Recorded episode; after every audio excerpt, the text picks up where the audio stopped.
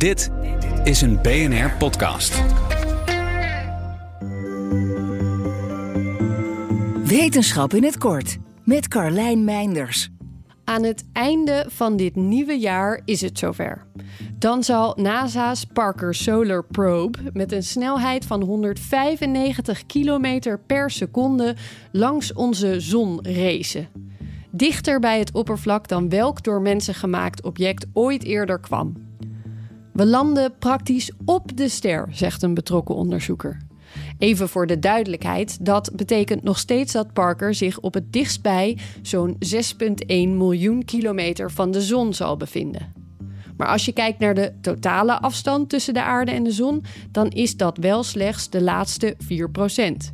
De missie begon al in 2018. Toen werd het onbemande ruimtevaartuig gelanceerd.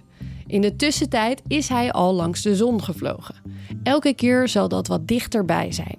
Met aan het einde van dit jaar de spannendste vliegroute tot nu. Eentje met ongekende uitdagingen. Want zo dicht bij de zon krijgt Parkers voorkant te maken met temperaturen van zo'n 1400 graden.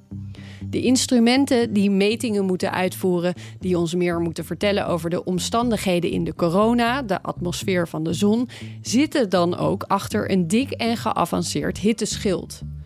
Dan alsnog zal het bezoekje extreem kort moeten zijn.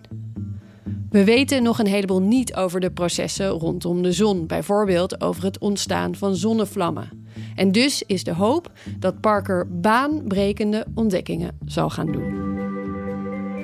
Wil je elke dag een wetenschapsnieuwtje? Abonneer je dan op Wetenschap vandaag. Luister Wetenschap vandaag terug in al je favoriete podcast-apps.